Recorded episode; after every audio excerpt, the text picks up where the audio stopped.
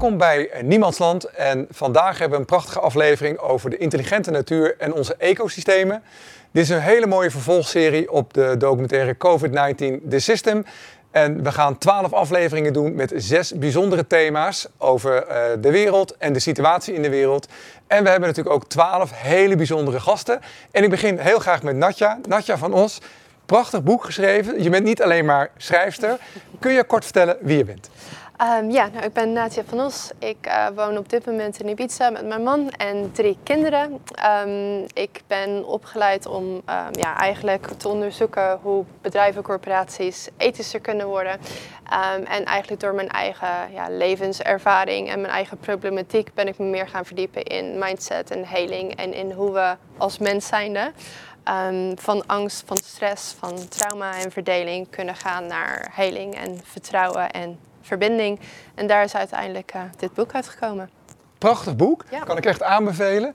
Uh, Evert Blijenberg, Evert, ook jij bent een schrijver, maar je hebt nog meer dingen gedaan. Kan jij je ook even kort voorstellen? Ja, Evert Blijenberg, uh, een van de bouwers van het internet. Heel lang in de telecom IT gezeten. Ik ben een van de mensen die heeft geholpen uh, dat internet te bouwen. Vroeger was ik er heel trots op. Nu heb ik het idee dat ik me ervoor moet verontschuldigen trouwens. maar, um, dus, dus daar heb ik, en ik heb gewoon tien jaar in een vliegtuig gewoond. In de top van telecombedrijven, de wereld over. En toen kwam 9-11. Uh, heel veel geld kwijtgeraakt. Bedrijven die instortten. En dacht van nou is klaar. Ik heb genoeg van. Want het was inderdaad, weet je, zoveel mergers en acquisitions dat je s morgens vroeg als je bij kantoor kwam, moest je kijken wat voor naam erboven stond, want het kon s'nachts veranderd zijn. Ja. En, uh, en, ik had er helemaal genoeg van. En een van mijn hobby's was, ik ben in 1993 begonnen met duiken, 1996 onder water gaan fotograferen, laten filmen. Ik, heb, uh, ik, ben uh, semi-professioneel onderwatercameraman geworden en ik heb een aantal documentaires meegedaan over de staat van de oceaan en dergelijke. En toen kwam ik al snel achter dat het helemaal niet goed ging. Hè. maar los daarvan kwam ik op een gegeven moment, dit, dit, is ergens in 2008, 2009, wij waren aan het filmen op de Nederlandse Antillen, waar ik woon. En we komen zo'n gigantische beetbol tegen, hè? dus 30, 40.000 vissen die allemaal zo harmonisch met elkaar uh, bezig waren. En ik zit met die camera zo en ik had op een gegeven moment zoiets van, hoe, hoe, wordt dit georganiseerd? Hè? Waar zijn de managers? En de mannen met de stropdassen en de spreadsheets, die zijn er natuurlijk niet. Ja. Nou, die, daar ben ik naar, uh, mee aan de gang gegaan. En ik kwam erachter dat vissen, vogels, bieren, mieren, bijen, maar ook wilde bies, heel veel dieren, grote groepen, die doen het op die manier, een zwermorganisatie. Ik dacht, hoe werkt dat dan? Ben ik gaan uitzoeken en dacht van, nou, waarom doen wij dat niet? Want eigenlijk net zoals Nadja kwam ik erachter dat de mens eigenlijk steeds verder beweegt, uh, afbeweegt van hoe de natuur het doet. Hè. Dus wij worden een steeds grotere dissonant in het geheel. Terwijl, hè, wij, wij denken, je hoort het ook mensen zeggen, hè, de mens en de natuur. Nee, wij, dat is hetzelfde. Dus dat is geen onderscheid. Het is de natuur en daar zit de mens in. En uh, alles wat wij doen, en vooral op het gebied dan, hè, mijn vakgebied, organisatie, strategische organisatieontwikkeling, uh, dacht ik van ja jongens, we gaan steeds verder weg van hoe die natuur het doet. Het mooie is even dat jij vooral hebt gekeken hè, naar uh, bedrijven, organisaties. Hè, en dan eigenlijk herverbinding met de natuur. En jij, Natja, heb je dat heel mooi gedaan hè, als, als mens, hè, als individu. Ja. Van hé, hey, wat, wat kan je daarmee doen? Ik, ja, ik zelf was, uh, ja, voor mij was het een beetje een eye-opener, de intelligentie in de natuur. En wat ik daar dan heb in heb gelezen, is dat met name die energie zit in de cellen. En dat het mooiste verhaal vond ik nog dat een cel eigenlijk nog uh, veel complexer en intelligenter in elkaar zit dan de meest uh, gecompliceerde fabriek zeg maar, op de wereld. Klopt. Dat vond ik heel, ja, heel bijzonder. Uh, kan jij daar iets over zeggen, Natja? Want ik, ik denk dat jij daar heel veel mee gedaan hebt, hè, met die intelligente natuur, met die herverbinding. Die herverbinding, ja. Nou, ik, ik vind zelf het interessante dat um, je het kan herprogrammeren. Dus voor mij is dat heel, heel uh, bijzonder om te weten hoe flexibel die cellen eigenlijk zijn. Dus um, we, staan, we zijn de verbinding vaak vergeten met onze voorouders. Terwijl dat onze wortels zijn. Dus daarom heb ik ook vaak het gevoel dat we heel erg ontaard zijn. Terwijl we eigenlijk alle ervaringen, dus alle, alle mooie ervaringen, maar ook alle trauma's, zoals de Tweede Wereldoorlog, zoals slavernij, worden allemaal doorgegeven van generatie op generatie. Dus wat ik mensen vaak hoor zeggen is dat dat is het verleden. En terwijl eigenlijk we nog steeds de programmeringen en de pijn met ons meedragen. Maar het mooie ervan is, is dat we dus wel zelf kunnen, nou, hele noem ik dat, of kunnen herprogrammeren.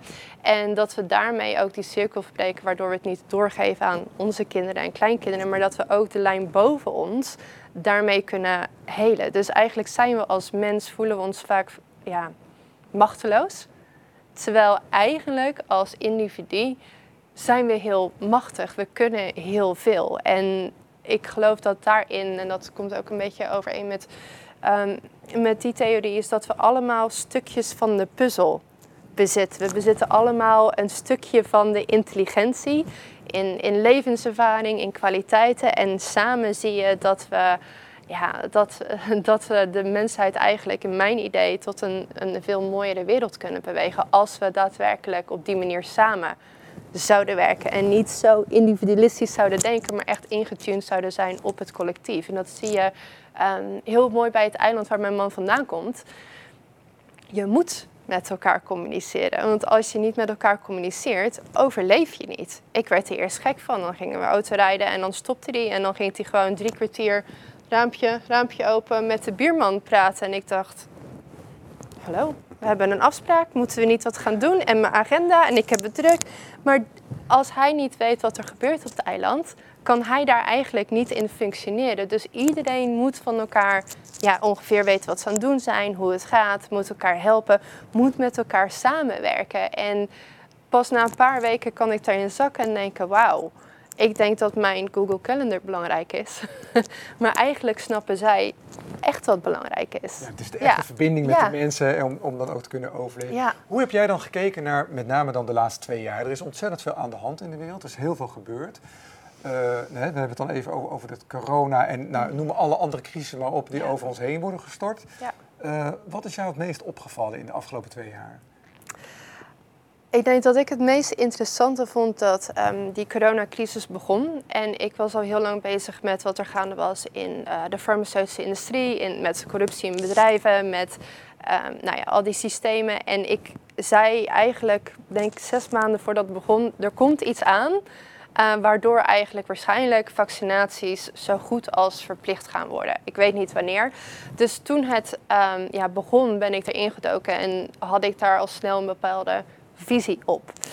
Ehm, en ik was toen in de veronderstelling op een bepaalde manier dat als ik dat zou laten zien en de, de verbanden laten zien en de belangen laten zien, dat dat heel simpel zou zijn. Zo van, oh ja, oké. En ik kwam erachter dat dat totaal niet het geval was. En voor mij is dat een hele interessante periode geweest, omdat ik ook heb geleerd hoe we in dezelfde realiteit kunnen leven, maar totaal andere lens hebben waar we doorheen kijken en ook de belangen die spelen met het, het vasthouden aan jouw lens. Het vasthouden aan jouw waarheid. Dus eigenlijk tot op het punt dat twee partijen tegenover elkaar staan en dat je met keiharde bewijzen zou kunnen komen, maar dat het eigenlijk geen verschil maakt.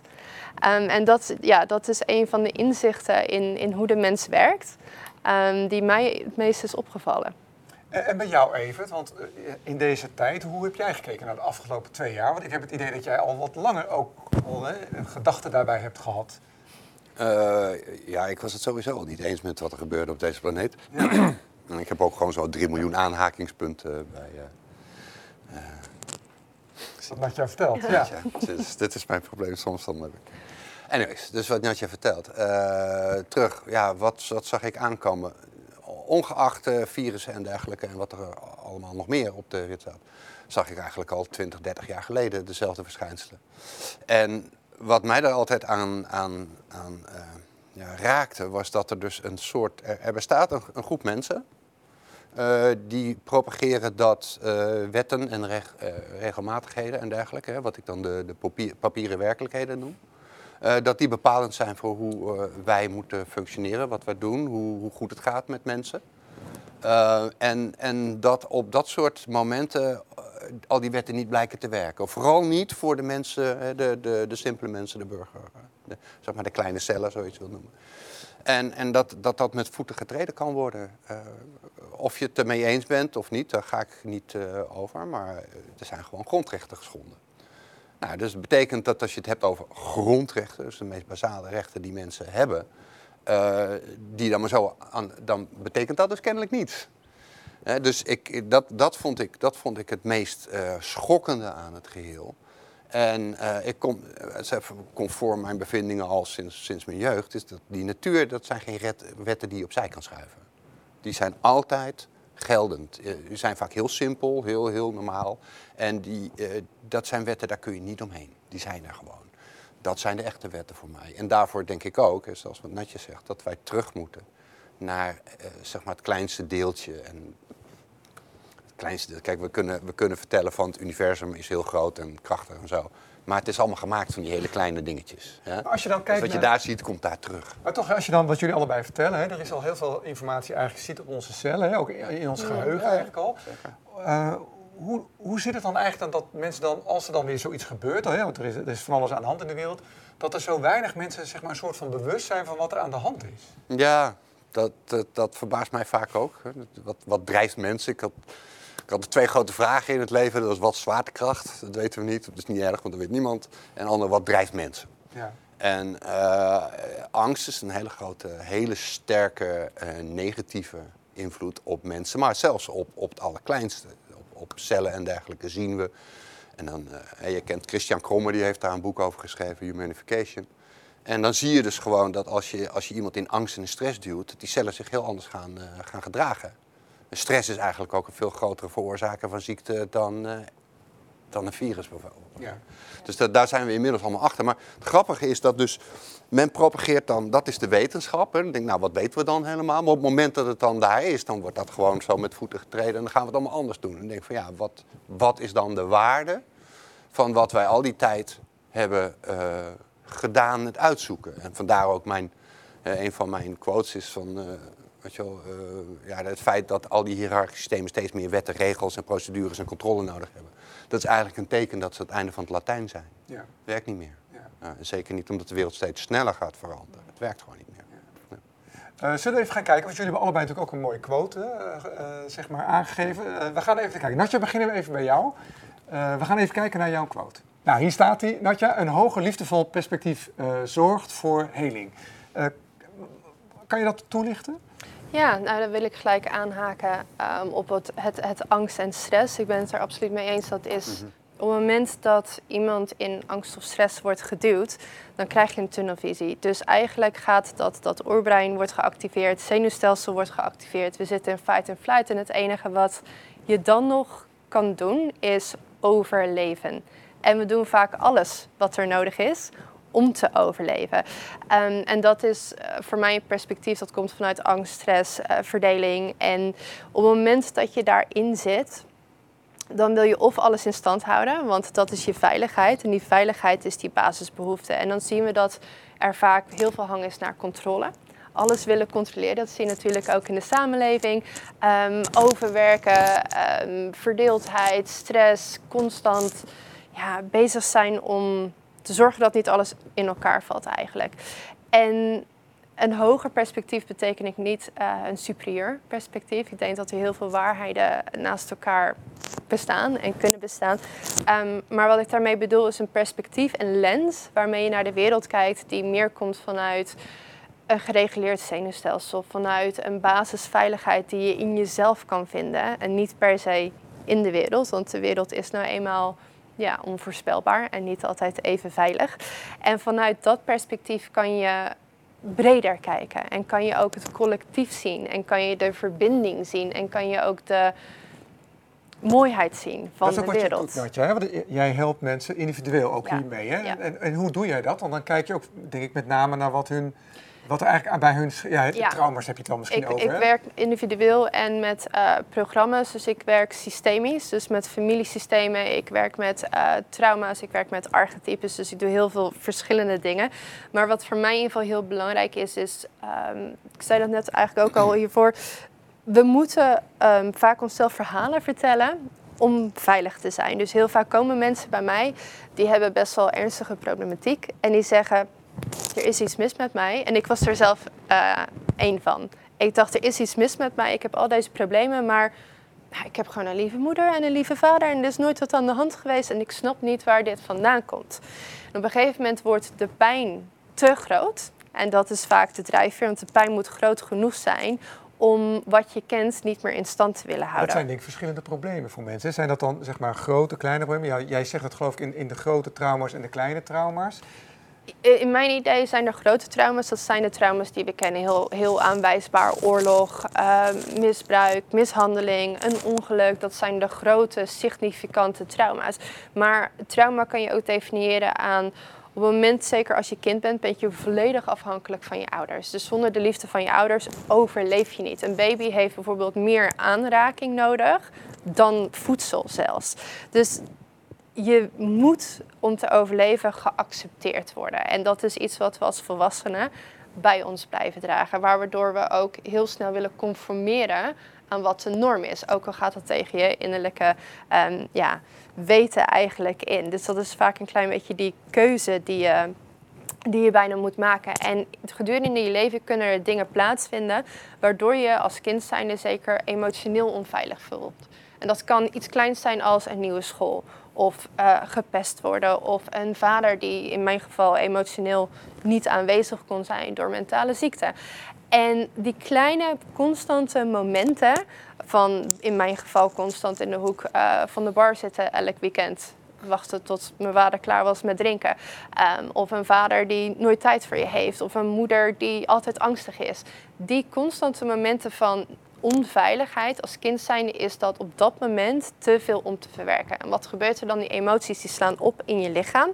Uh, je zenuwstelsel wordt geoveractiveerd en je draagt dat als het ware met je mee. Totdat je vaak op latere leeftijd op een punt komt dat je denkt wacht even, ik heb allerlei problematiek die me niet dient. En uh, dan op een gegeven moment naar gaat kijken en ziet dat je nog steeds in dezelfde overlevingsstrategie bezig bent. Door misschien altijd je aan te passen of te pleasen of um, juist te vluchten en te verdoven. En dan kan je eigenlijk gaan kijken naar wat is er in mijn leven toen nog al, allemaal niet doorvoeld geweest. Dus mijn werk gaat ook heel erg over uit dat hoofd komen. Want we worden natuurlijk als kind zijnde al geleerd, ga maar nadenken, ga maar in je hoofd. Ik kreeg ook als kind te horen, oh je hebt de hoogste CITO-toets van al, alle scholen. Ja, op school wordt ons dat ook geleerd. Ja. De bedoeling is dat je gaat zitten, dat je, dat je gaat luisteren. Maar de validatie, de, de, validatie daarvan, van wow, jouw score. En bij ja. mij ging er ook niemand naar de universiteit, dus dat was allemaal heel veel beloning voor intelligentie en in je hoofd zitten. Dus ik ging helemaal daar zitten en ik dacht, hier los ik alles mee op.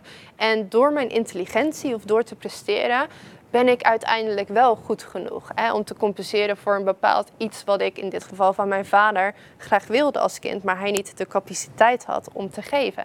Ja. Um, en uiteindelijk gaat het ook om uh, voor vrouwen en voor mannen, want in deze maatschappij leren zeker mannen emoties, ja, dat, dat als man zijn, dat, uh, dat hoort niet bij man zijn.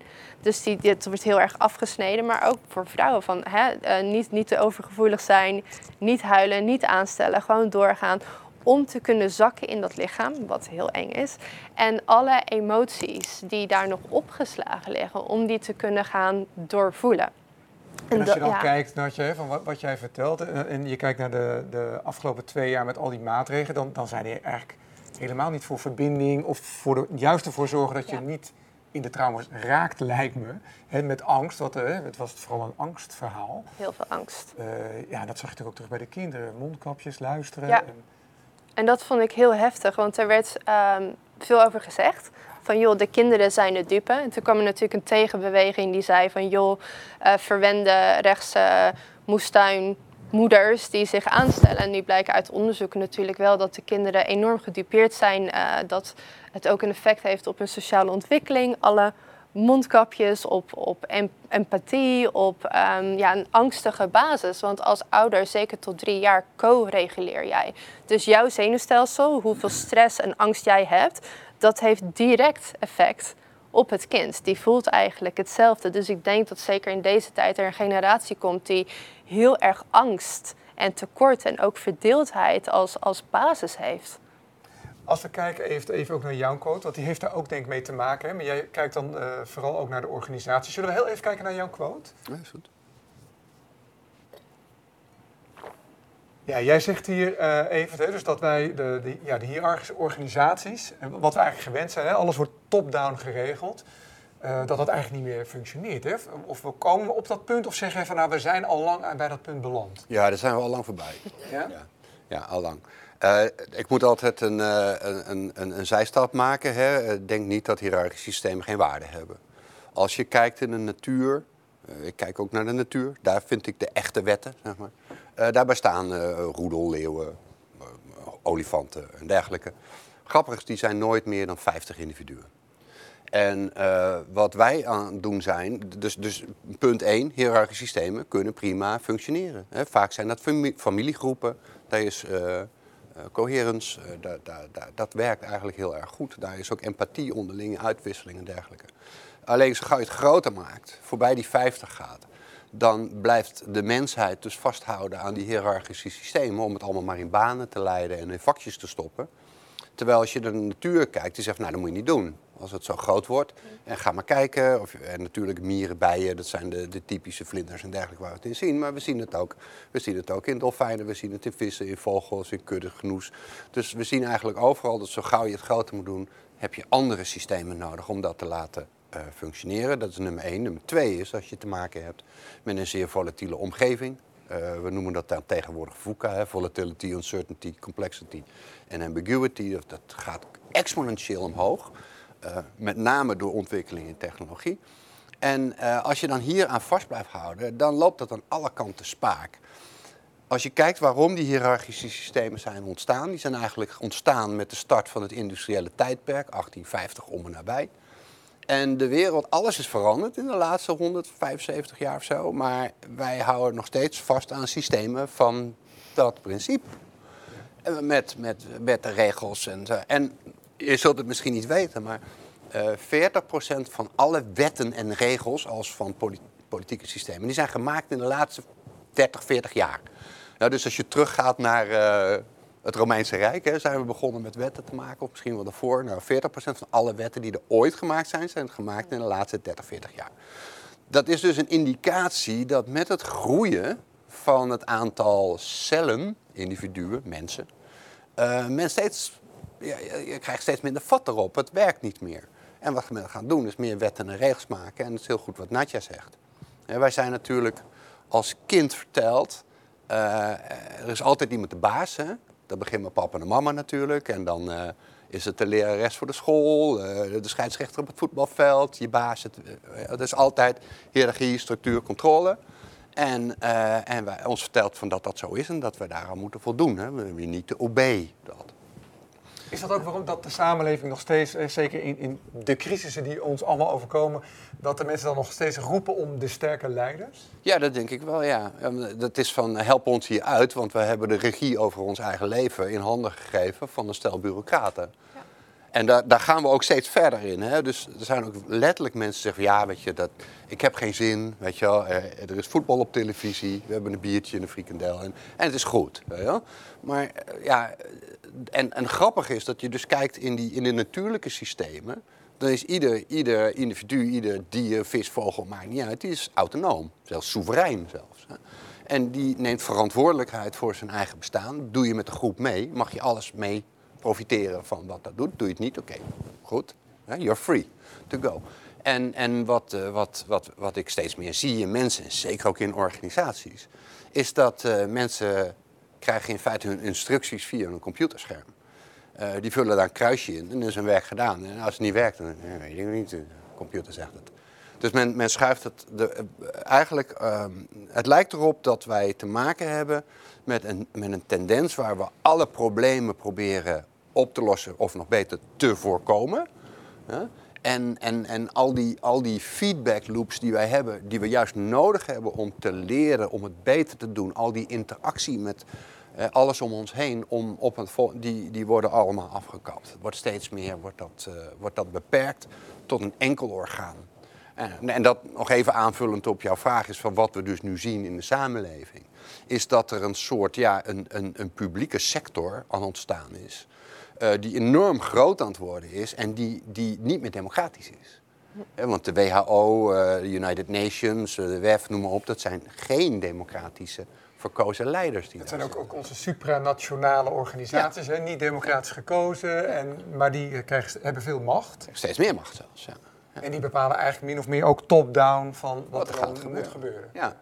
En dat, eh, je kunt dat dus als je naar, naar multinationals kijkt, grote organisaties, en dat zijn, sommige daarvan zijn mijn klanten, eh, die zeggen van ja, het loopt niet lekker, dus wat ga je doen? Nou, nog een computer erbij, nog meer regeltjes, nog meer wetten. Ik denk dat werkte het de vorige keer. Maar als ik goed, Nee. naar, jou, als ik goed naar jou luister, hè, dan, dan, dan zeg je ook eigenlijk de samenleving is veel intelligenter al dan bij wijze van spreken de 150 Kamerleden die daar vertellen hoe wij het moeten doen. Ja, ik bedoel, we hebben denk ik eh, net voor de crisis, de pandemie, hebben we een, een, zoals een, een, filtering gedaan op die Tweede Kamer. Wat daar nou voor mensen zitten die nog subject matter experts zijn. Dus die daadwerkelijk iets weten van het vak waar ze mee bezig zijn. Nou, even voor jouw informatie, de VVD, je had toen 30 zetels. Hoeveel mensen zaten daar die echt iets wisten van MKB of zo voor bedrijfsleden? Nul. We hebben, we, hebben geen, nul. we hebben geen vakministers meer. Hè? Die, Eh, nee. die zijn er. Nee, het zijn, het zijn eh, wat men dan tegenwoordig eh, politieke assistenten noemt of tassendragers. of weet ik veel. Dat zijn mensen die dus eigenlijk... Zij weten hoe het politieke proces werkt en hoe de bureaucratie werkt. Maar ehm, zijn die mensen daadwerkelijk geïnformeerd over... Hè, snappen die iets van wat Nadja schrijft? Of, nee.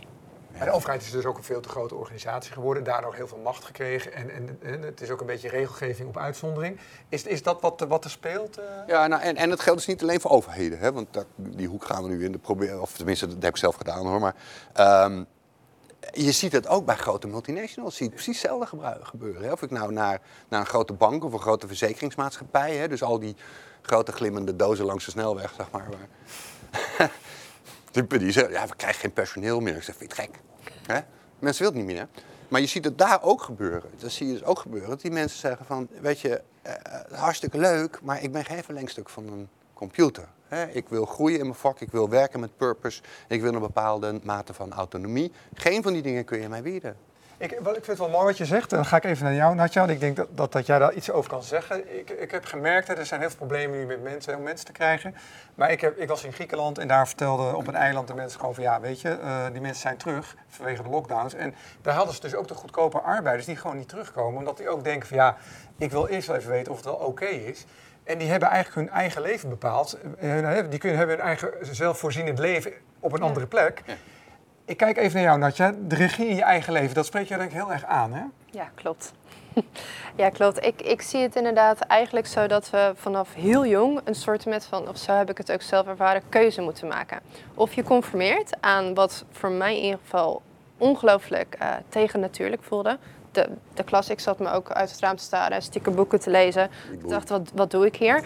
Ehm, maar ook de, de regels, hoe je je leven in moet richten. ehm 9 tot 5 achter een scherm kijken. Ik dacht, ben ik nu de enige die dit niet snapt. Ehm, en dan ga je denken, er is iets mis met mij, want iedereen kan het, dus ik moet het ook kunnen. Dat is, ik, ik functioneer niet. Toen ik was verhuisd naar, naar Bali, dan kom je eigenlijk in een meer collectivistische cultuur, waar ik met de natuur leefde en waar iedereen samenleefde. En ik dacht, oh maar wacht even, er is niet per se iets mis met mij, maar ik geloof dat er wel een hoop mis is met ehm, het systeem in het Westen, want we worden letterlijk gevraagd, wil je bij de groep horen? Met andere woorden, dat is overleven. Want hè, vroeger als je niet bij de groep hoorde, dan overleef je niet.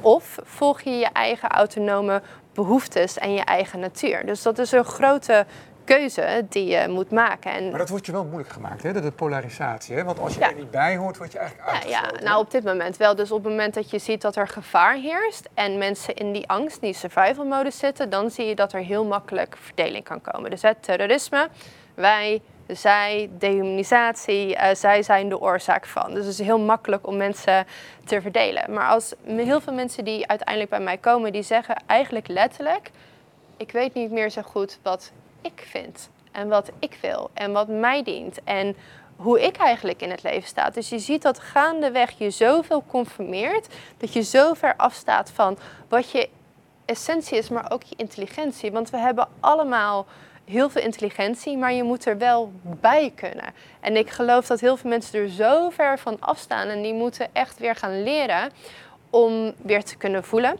zichzelf weer te vertrouwen in plaats van een ander te vertrouwen. Maar er is ook een prijs die je moet betalen. Want het is ook comfortabel te volgen, te conformeren. Want je hoeft geen verantwoordelijkheid te nemen. En ik denk die prijs die je moet betalen voor, voor autonomie en voor vrijheid, is ook de verantwoordelijkheid voor je eigen keuzes, voor de gevolgen daarvan, ehm, voor jouw eigen patronen en voor je eigen handelen. En dat is naar mijn mening een sleutel, sleutel tot ja, eh, eh, kracht en ehm, een fijn leven kunnen leiden. Maar het is ook een pijnpunt waar je doorheen moet. Is dat dan ook wat we missen nu? Zeg maar, als je nu kijkt naar wat er in de wereld gebeurt, hè, dat er eigenlijk geen verantwoordelijkheid wordt genomen, niet door de media, hè, door de hoofdredacteuren, maar ook niet door de ministers, uh, maar ook niet door de, de CEO's van grote bedrijven om te zeggen, ja, ik betaal wel belasting, bij spreken, om, zodat we dat voor ons allemaal gaan zorgen. Hè. Dat is maar een dingetje. Ja, maar dat individualisme ook. Als ik het maar goed heb en als ik mijn baan maar behoud, dan handel ik wel tegen mijn weten in, maar zolang ik mijn baan maar behoud en zolang mijn familie het maar goed heeft. Terwijl als wij bijvoorbeeld, als je op dat eiland wordt gezet waar mijn man vandaan komt, ja, succes. Want je moet het samen doen. Dus als iemand het goed heeft, dan vergeet hij eigenlijk heel makkelijk wat voor leed er in de wereld is. En kan dat, ja, daar zoekt iemand anders een oplossing voor. Ja. ja. Hoe kijk jij daarnaar, even? Want uh, ik wil nog... Tea, zeg maar. Dat, wat zeg je? Not my cup of tea. Ja. ja. ja. Nee, maar we hebben meer, meer, meer uh, dan, dan eens hebben we voorbeelden ervan zien. Ik, ik weet nog even, in de jaren tachtig, uh, toen hadden we het fenomeen van de kruisraketten, weet je nog? Ja. En uh, we zaten eigenlijk al twintig jaar in een koude oorlog dan. En iedereen had zoiets van, ja, het zal wel. Totdat iemand zei, we gaan de woensdag kruisraketten neerzetten. Toen was het in één keer in de achtertuin en toen gingen er in één keer een miljoen mensen de straat op. Dus wat Nadia zegt, klopt. Hè? Het moet dichtbij komen. Het moet, het moet, het moet echt gaan, pijn gaan doen. Hè? En dat is ook in mijn verhaal, hè, om, om dingen te kunnen veranderen heb je motivatie nodig. En die motivatie kan positief of negatief zijn. En uh, dus een kans of een grote bedreiging. En ja, als je. Maar zien we dat nu gebeuren, Even? Als je kijkt naar nu, zeg maar, al die crisis waar we nu mee te maken hebben. Hè, dat wordt voor de mensen steeds moeilijker om de maand door te komen. Hè. We verwachten straks dat de 2 miljoen huishoudens in Nederland niet de, de, de maand kunnen doorkomen. Is dat genoeg? En dat geldt ook voor de ondernemers overigens. Hè. Die gaan het ook heel moeilijk krijgen door al, alles wat er opgestapeld wordt. Ja, gecreëerde crisis. ja, denk je dat dat genoeg is uh, om dat de mensen in beweging gaan komen? En ook de, ook de ondernemers? Of zeg je van nou, dit is nog niet genoeg, het moet... Stilletjes hoop ik dat dat gaat gebeuren, maar er moet meestal echt wel heel wat... Eh, kijk, Pijn moet eerst komen. Ja, en Nederland, kijk, Nederland, Eerste Wereldoorlog, Tweede Wereldoorlog, wij waren neutraal. Hè, zo.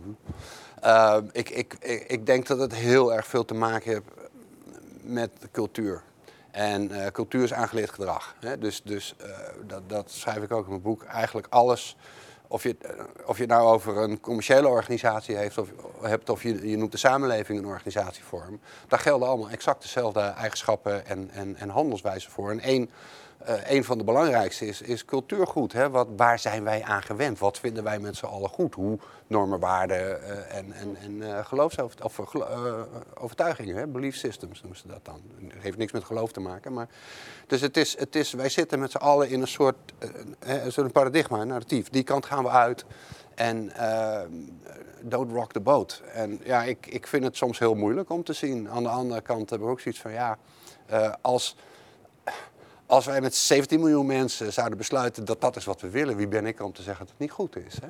Dus ik heb ook zoiets, ik kan wel zeggen van ik wil graag een mooiere wereld maken. Dat, dat, dat is de moeite waard. Dat is ook waar ik dat boek voor geschreven heb. Hè? Want het kan eigenlijk veel beter. Waarom doen we dat niet? Maar er zijn ook veel mensen, ja, maar wij willen niet. Oké. we gaan dus straks in de ja, in de dus- tweede serie gaan we even kijken hè, naar oplossingen. Ik wil heel graag nog wel iets bij jullie aankaarten hierover. Dat is natuurlijk ook dat we maar, denk ik, hè, op dit moment één moeder aarde hebben. Ja. Waar we alle grondstoffen, alles gebruiken. Ja. Uh, ik ga even bij jou kijken, Natja. Voor de, de ecologie en de biodiversiteit, die, daar is duidelijk wat aan de hand. Er is een disbalans. Hoe kijk jij daarnaar?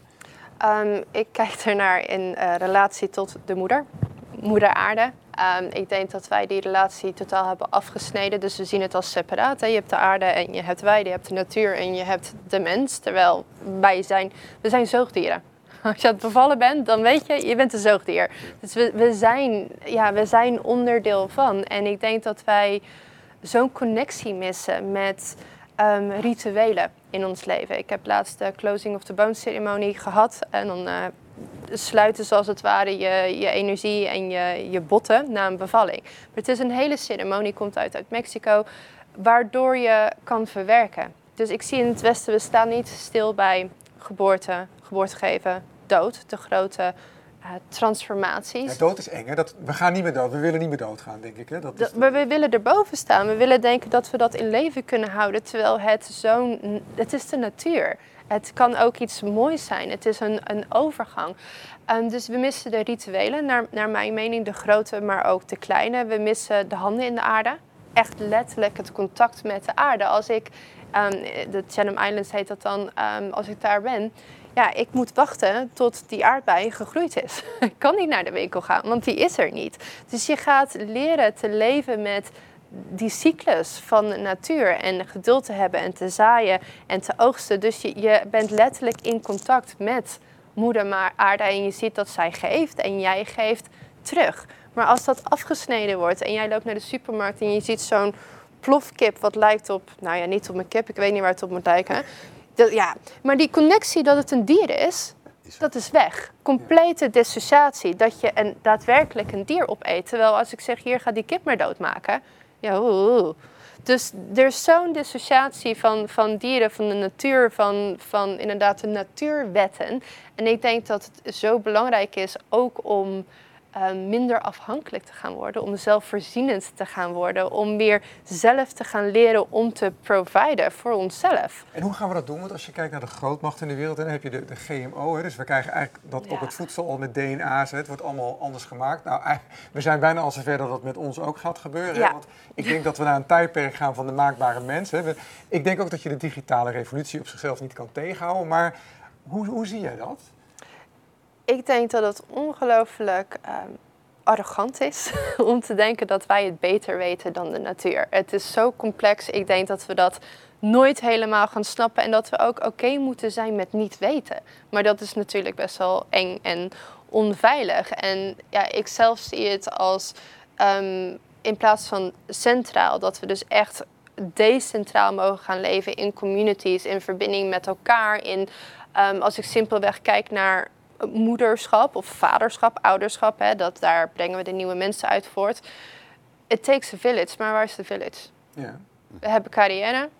Ik, ik, ik heb mijn carrière, maar ik heb ook drie kleine kinderen. Hoe ga ik dat combineren zonder dat ik mijn tribe heb? Want iedereen is op zichzelf gericht. Dus ik zie hoeveel burn-outs er zijn, hoeveel depressies er zijn, hoeveel ja, onnodig eigenlijk uh, leed en stress er is. En dat is nog een punt. Kijk, op het moment dat jij bezig bent met surviven, met overleven, dus je kijkt door de lens van overleven en je bent aan het overleven, heb je letterlijk geen capaciteit om te kijken naar leed wat niet op jou van toepassing is.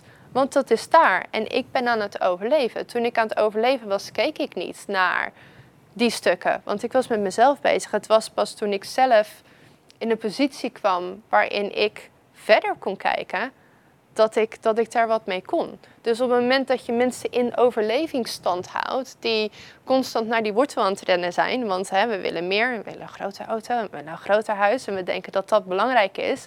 En we zijn daar achteraan aan het rennen en vervolgens kijken we televisie en zitten op social media. Ja, ga dan nog maar eens dit doen en, en je druk maken om wat er eigenlijk echt allemaal aan de gang is. Jij zei, hè, je, je ziet dat mensen dan graag die controle willen, maar dat zien we ook bij grote organisaties even. Hè? we zijn bijna zover. We krijgen EIDAS. Hè, als ik, dat is voor de mensen thuis. Dat is dan dat we een digitale munt gaan krijgen. Maar daar zit denk ik wat achter. Hè. Dat is vooral heel veel controle. En dat is... Programmeerbaar, uh, ja. Ja, en dat, dat, je, dat je eigenlijk ziet van... Ja, de naam is al gevallen. Social Credit System. Uh, ik denk dat er al heel veel wetgeving zelfs al geregeld is dat we daar naartoe gaan. Ook binnen de EU. Hoe kijk jij daarnaar? Want we gaan dus naar, we gaan naar een digitale revolutie. Je ziet aan de ene kant dus dat eigenlijk de machten gaan naar een soort controlesysteem hoe moeten we dat oppakken even? Wat, wat moeten we daarmee doen? Want... Ja, dat is een hele goede vraag. uh, lees mijn boek. Nee, uh, ja, nou graag. Hè? Voor de mensen thuis. Er is een meneer geweest die heeft in 2014, ik probeer even aan te haken, 2014, Alexander Wisner-Gross, University van Harvard. En die heeft gezegd van, we zijn op zoek gegaan naar wat intelligentie eigenlijk is. Hè?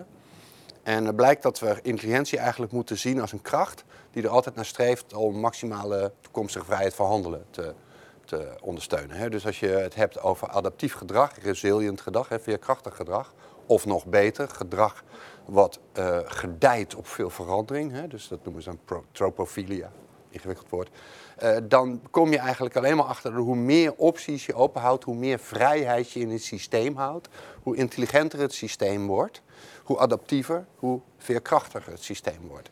Nou, dan komen er dus mensen naar mij toe van grote organisaties en zeggen van ja, wij moeten wendbaarder, dat is het nieuwe jeukwoord in Nederland, wendbaarder worden.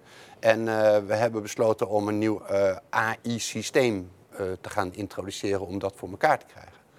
En dan is mijn eerste vraag van weet je wat AI is? Nee, dat weet ze niet, maar dat heeft iemand ze verkocht, dus dan gaat dat het worden. IBM, Google, zeg maar op. En dan zegt nou, dat gaat jouw probleem alleen maar groter maken. Want wat gaat dat systeem doen? Die gaat nog meer veranderingen, nog sneller introduceren. En je mensen gaat niet bijhouden. Hou het nu al niet bij. die, die, die curve die van verandering die loopt exponentieel en ons aanpassend gedrag verloopt logaritmisch. Dat is ook niet zo gek. Luister naar wat uh, Nadja zegt. dan, wij, wij moeten terug naar waar wij mensen goed in zijn. Creativiteit, empathie, verbinding. En dat systeem dat gaat gewoon uh, doen wat het beste is voor de, voor de, voor de beurs. Dus jij gaat, gaat dat helemaal niet aanhaken. Dus uh, in die grote organisaties zien we precies hetzelfde gebeuren als in de samenleving. Raar, raar, hoe zou dat komen? Uh, dat men, de, men een verdergaande, zeg maar, um, ja, het is een abstraherend proces. Het wordt, het wordt steeds verder wordt het uit elkaar getrokken. Wat je een beetje ziet hè, met de samenleving, dat de intelligentie al helemaal in de samenleving zit. Hè, want we zijn goed opgeleid, we weten al veel. En eigenlijk de, de, systemen die om ons heen hangen, die, die, ja, die houden het misschien nou ja, niet bij. Ik, ik, ik vind, we hebben dan intelligente mensen, tenminste dat, dat, dat noemen we dan intelligent. Uh, maar even terug naar wat ik gezien heb. Hè. Vissen hebben IQ van een borrelnoot. Heel simpel. En toch, ja, en toch, en die hebben geen managers, ze hebben geen formele structuur, ze, hebben, ze kunnen niet praten, ja, ze, hebben geen, ze, ze hebben geen verstandelijke vermogens. En die kunnen dat ook. Waar zit dat dan in? Nou, kennelijk niet in het intellect. En even voor de, voor de record, hè, de natuur doet dit al 150, 200 miljoen jaar. ga ik even op aanhaken, even. Ja, want ik, ja, ik heb hier nog even één mooi boek, even voor jullie allebei. Deze is net uit, het begin van alles. Uh, ja. De nieuwe geschiedenis van de mensheid. Ja. Er is ons van alles verteld over uh, dat we 10.000 voor Christus de eerste landbouwers hadden. Daarvoor ja, hadden we jagers en verzamelaars. Deze twee mensen, ze heten allebei David, David Grabber en David uh, Wainsgrow. Die, ja, die hebben eigenlijk gekeken jarenlang, zeg maar zo'n 10 jaar terug, over wat weten we nu al inmiddels. Uh, ik vind het een erg dik boek. Maar goed, uh, ja. het leuke is eigenlijk dat ze eigenlijk zeggen hoeveel we eigenlijk niet weten. Ja. En het, het mooie vond ik aan, aan, dit boek is dat er zoveel verschillende samenlevingssoorten al zijn geweest, dat we het eigenlijk allemaal al hebben meegemaakt. Of de samenleving hebben zich altijd al gevormd. En ik ben eigenlijk wel heel benieuwd, hoe, hoe kijk jij naar de samenleving nu? Zitten wij in zo'n overgang? Gaat er zich een nieuwe samenleving vormen, Natja? Ja, mijn boek heet Love Revolution, dus dat zegt al wat. Ik, ik denk wel dat we in een, in een omkeerpunt zitten. En um, ja, ik hoop natuurlijk zelf dat het een bepaalde richting op gaat, maar dat, uh, dat kan ik natuurlijk niet voorspellen. Maar het is wel heel interessant dat, dat de intelligentie, ik denk dat intelligentie uh, die wij kennen, dat dat heel belangrijk is gemaakt. Hè? De slim universitair, uh, slim uit boeken kunnen leren, terwijl we allemaal een, een ander soort intelligentie bezitten. Intuïtie, een innerlijk weten, een cellulair geheugen. Dat al die collectieve intelligentie dragen wij met ons mee. Ja, de intuïtie is helemaal een onder, ondergewaardeerde... Ja, on, maar maar dat, ja, dat, dat, dat wordt inferieur gemaakt. Terwijl het is dan, nee, want dat is belachelijk, ha, ha, ha, een onderbuikgevoel. Terwijl dat onderbewustzijn weet alles door dat collectieve geheugen die in ons zit. En vervolgens zeggen we, nee, nee, nee, dat is, dat is belachelijk. Uh, de wetenschap, terwijl de wetenschap is bijna het nieuwe religie. Het is bijna dogmatisch. Het is bijna dit is, dit is wat het is, terwijl dat juist niet is waar wetenschap over gaat. Um, dus ik, ik denk ook dat we meer mogen gaan naar waar ook mijn werk over gaat, naar voelen. Naar je, weer in je lichaam wonen. Want we zijn wandelende hoofden, weer in kunnen tappen op die enorme intelligentie die we bezitten, maar die we vaak niet benutten. Um, en ik denk dat op het moment dat wij terug kunnen komen naar dat, dat er een omslagpunt gaat komen. Um, en ik denk zelf dat steeds meer mensen daar doorheen gaan, omdat de pijn dus groter wordt. We zaten comfortabel, zeker in Nederland.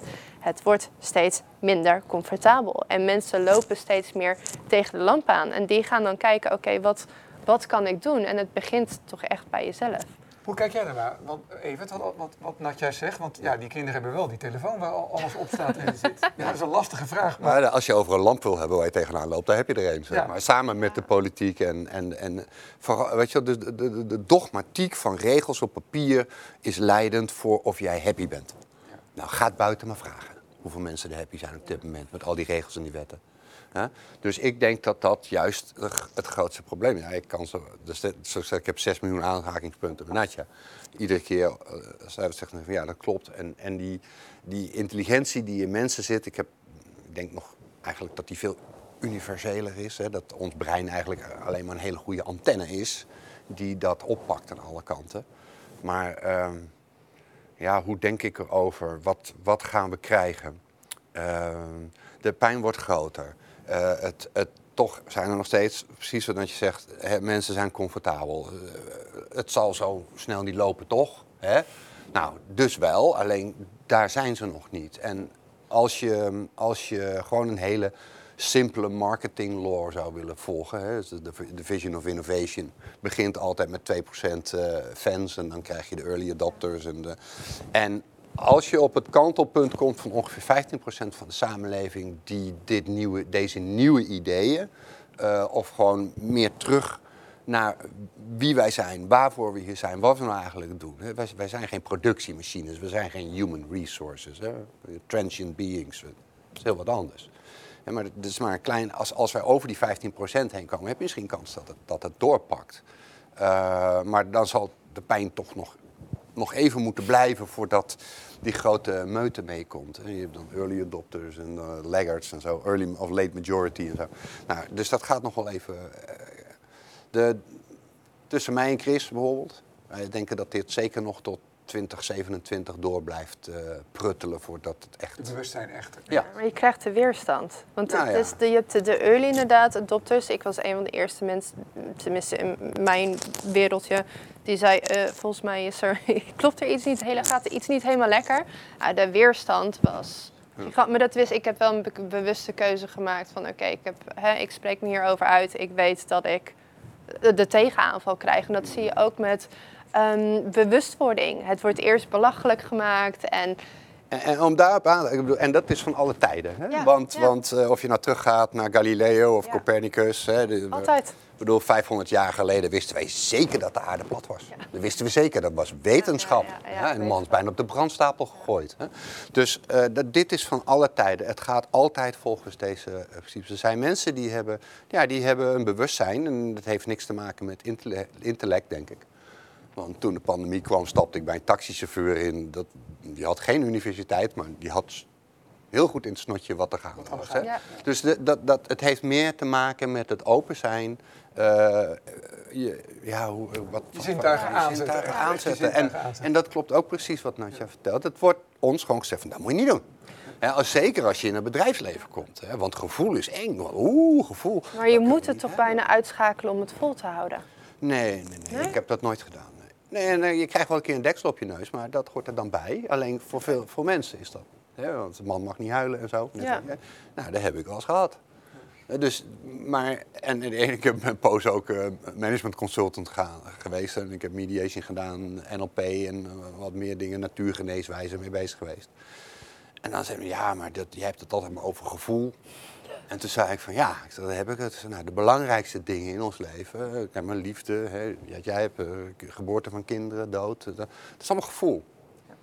En als jij naar het limbisch systeem kijkt, dat bepaalt 90% van alles wat jij doet. Dus Ja. wat, wat vind jij belangrijk aan die ratio? Tel, vertel het me, weet je wel. Maar dit is een... En dan krijg je het volgende. Hè, dus het, wat ons verteld is op school, de kortste verbinding tussen twee punten is een rechte lijn. Dat neem je mee, dat, dat, dat, dat creëert een soort eh, gemeenschappelijke sociale waarheid, zo je het wilt. Nou, als er een waarheid is, dan hangen mensen daar hun identiteit aan. Dus zo gauw jij daar gaat zitten hakken, ja, dan gaan mensen in de hoogijzers. Dus ik heb, ik heb ook op een gegeven moment besloten, met, met, hè, ik, zie dit ook al heel lang, te zeggen van ik ga niet meer proberen mensen te overtuigen dat wat ze nu doen niet goed is. Overigens, hoe en I. Nee, ik heb wel gezegd van jullie willen dat, nou dat prima. Maar ik wil dat, ik wil wat anders. En dit ga ik neerzetten. En dat, dus ik probeer betere organisatievormen te maken, zodat mensen happier zijn. Hè? En dan voor people and plan- planet.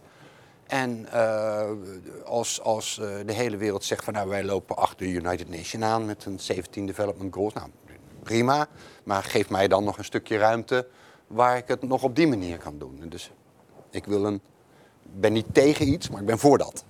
Zo. Nou, ik vind het een mooie afsluiting. Ehm, eh, wij gaan in de, in de volgende serie gaan wij het hebben over mogelijke oplossingen, mogelijke initiatieven, mooie ideeën. Ik ben ervan overtuigd dat jullie dat hebben en dat jullie er ook heel mooi tegen aankijken. We hebben het nu natuurlijk wel best een beetje zwaar gehad over problemen, maar het is wel mooi om het zo heel mooi te schetsen vanuit de mens, vanuit de organisatie en ook de combinatie daarvan. Ik wil jullie hartelijk bedanken eh, voor deze inbreng alvast. En eh, we gaan eh, denk ik heel snel de, de tweede serie met jullie opnemen. En jij bedankt voor de uitnodiging. Graag gedaan. Dankjewel. Waarom doen wij dat niet? Nou, nou ja, maar het zijn, wij zijn geen vissen. Nee. Maar je hebt wel leren vliegen door naar vogels te kijken, dat geloof je wel. Maar je gelooft niet dat de natuur ons kan laten zien. Hè? Ik het zo net al, 200 miljoen jaar doet de natuur dat heel. Zo lang zijn wij er niet eens. En dan gaan wij zeggen, wij weten het beter. De waarheid die wij denken te hebben, los te kunnen laten. En dat is een bepaald fundament die je dan loslaat. Want wie ben jij dan? En wat is de wereld dan? En dat is eng.